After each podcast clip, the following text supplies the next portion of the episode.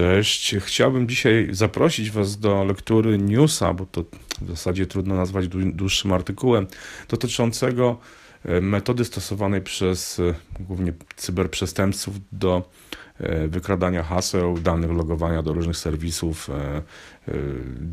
czy danych kart na przykład, czyli metodzie phishingu tak zwanego.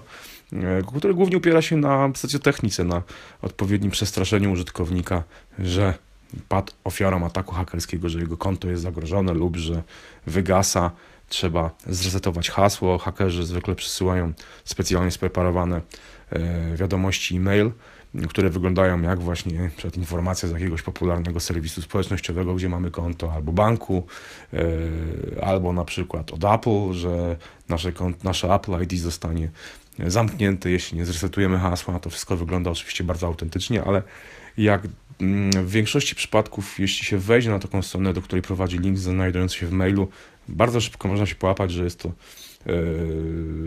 ściema, e, bo zwykle adres widoczny w pasku adresów w przeglądarce po prostu nie jest właściwy. Zamiast na przykład apple.com mamy jakieś tam krzaczki, znaczki różnego rodzaju, liczby, numery, i, znaczy liczby, liczby i e, numery i mm, znaki alfabetu.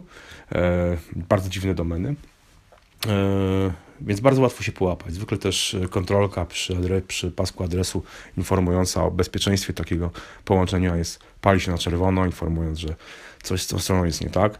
No ale y, jeden z y, badaczy zabezpieczeń odkrył w sumie na nowo metodę bazującą na kodowaniu Unicode, pozwalającą na podszywaniu adresu, który no właśnie jest zupełnie inną domeną, a wygląda w pasku przeglądarki jak powiedzmy dobrze znany nam adres serwisu, z którego korzystamy.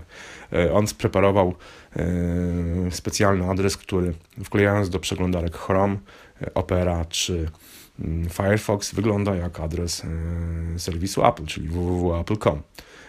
Co więcej, przy mm, pasku adresu pali się kontrolka na zielono, informując, że połączenie jest bezpieczne, wszystko się zgadza. Spreparowany przez niego adres oczywiście to jest jakiś ciąg znaków, który na pozór wygląda zupełnie obojętnie, ale przez te, przez te przeglądarki jest interpretowany właśnie jako adres apple.com. E, na szczęście ta strona, na którą, mm, do której ten adres prowadzi, pod którym adresem się znajduje, jest bezpieczna. To jest tylko i wyłącznie przykład, taki proof of concept tego, co e, można zrobić e, w ten sposób preparując adres. I teraz to, co mnie osobiście przeraża, to jest to, że ktoś nieświadomy wszelkiego rodzaju zagrożeń, czy jest świadomy tylko tyle, że są wirusy i że są jacyś hakerzy, którzy potrafią coś wykraść nam z, skąd, czy na przykład wykraść nasze adresy i hasła. Dostaje takiego e-maila. E, no jest już przestraszony, że faktycznie, że na przykład, że na jego konto było, było włamanie i musi zresetować hasło, prawda? I, e, klika w link i tutaj e, taka osoba no niezbyt świadoma już się nie połapie. Jeżeli otworzy ten, tą stronę w Chrome, czy powiedzmy w Chromie, czy w Firefoxie albo w Operze, no to wszystko będzie wyglądać ok dla tej osoby.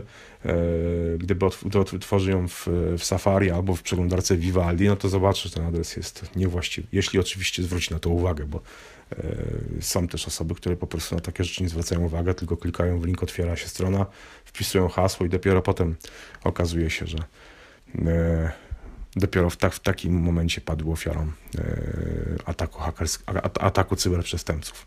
E, ciekawostka, jestem ciekawy, dlaczego Safari sobie z tym radzi. Radzi sobie z tym przeglądarka Vivaldi, a nie radzi sobie z tym ani Chrome, ani Opera, ani Firefox.